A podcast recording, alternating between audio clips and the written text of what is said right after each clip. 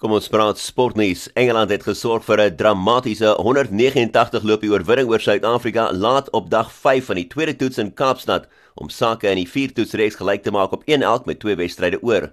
Met die toeriste op soek na nog 3 paadjies in die laaste uur, is dit man van die wedstryd Ben Stokes wat al 3 geneem het om 'n uitstekende veelsidige vertoning af te rond.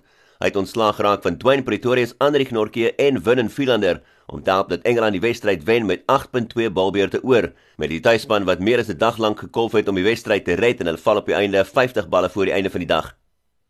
Liverpool ster Sadio Mane is gisterand gekroon as Afrika se 2019 speler van die jaar vir die eerste keer by 'n toekenningsseremonie in Egipte.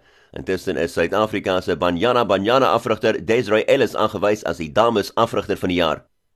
En laastens, Spanje se tweemaal kampioen Carlos Sainz in sy Mini het die algehele voorsprong oorgeneem nadat hy gister se 489 km derde skof op die Dakar tydren gewen het vir sy 33ste skofoorwinning in die bekende ren wat plaasvind in Saudi-Arabië vir jaar vir die eerste keer.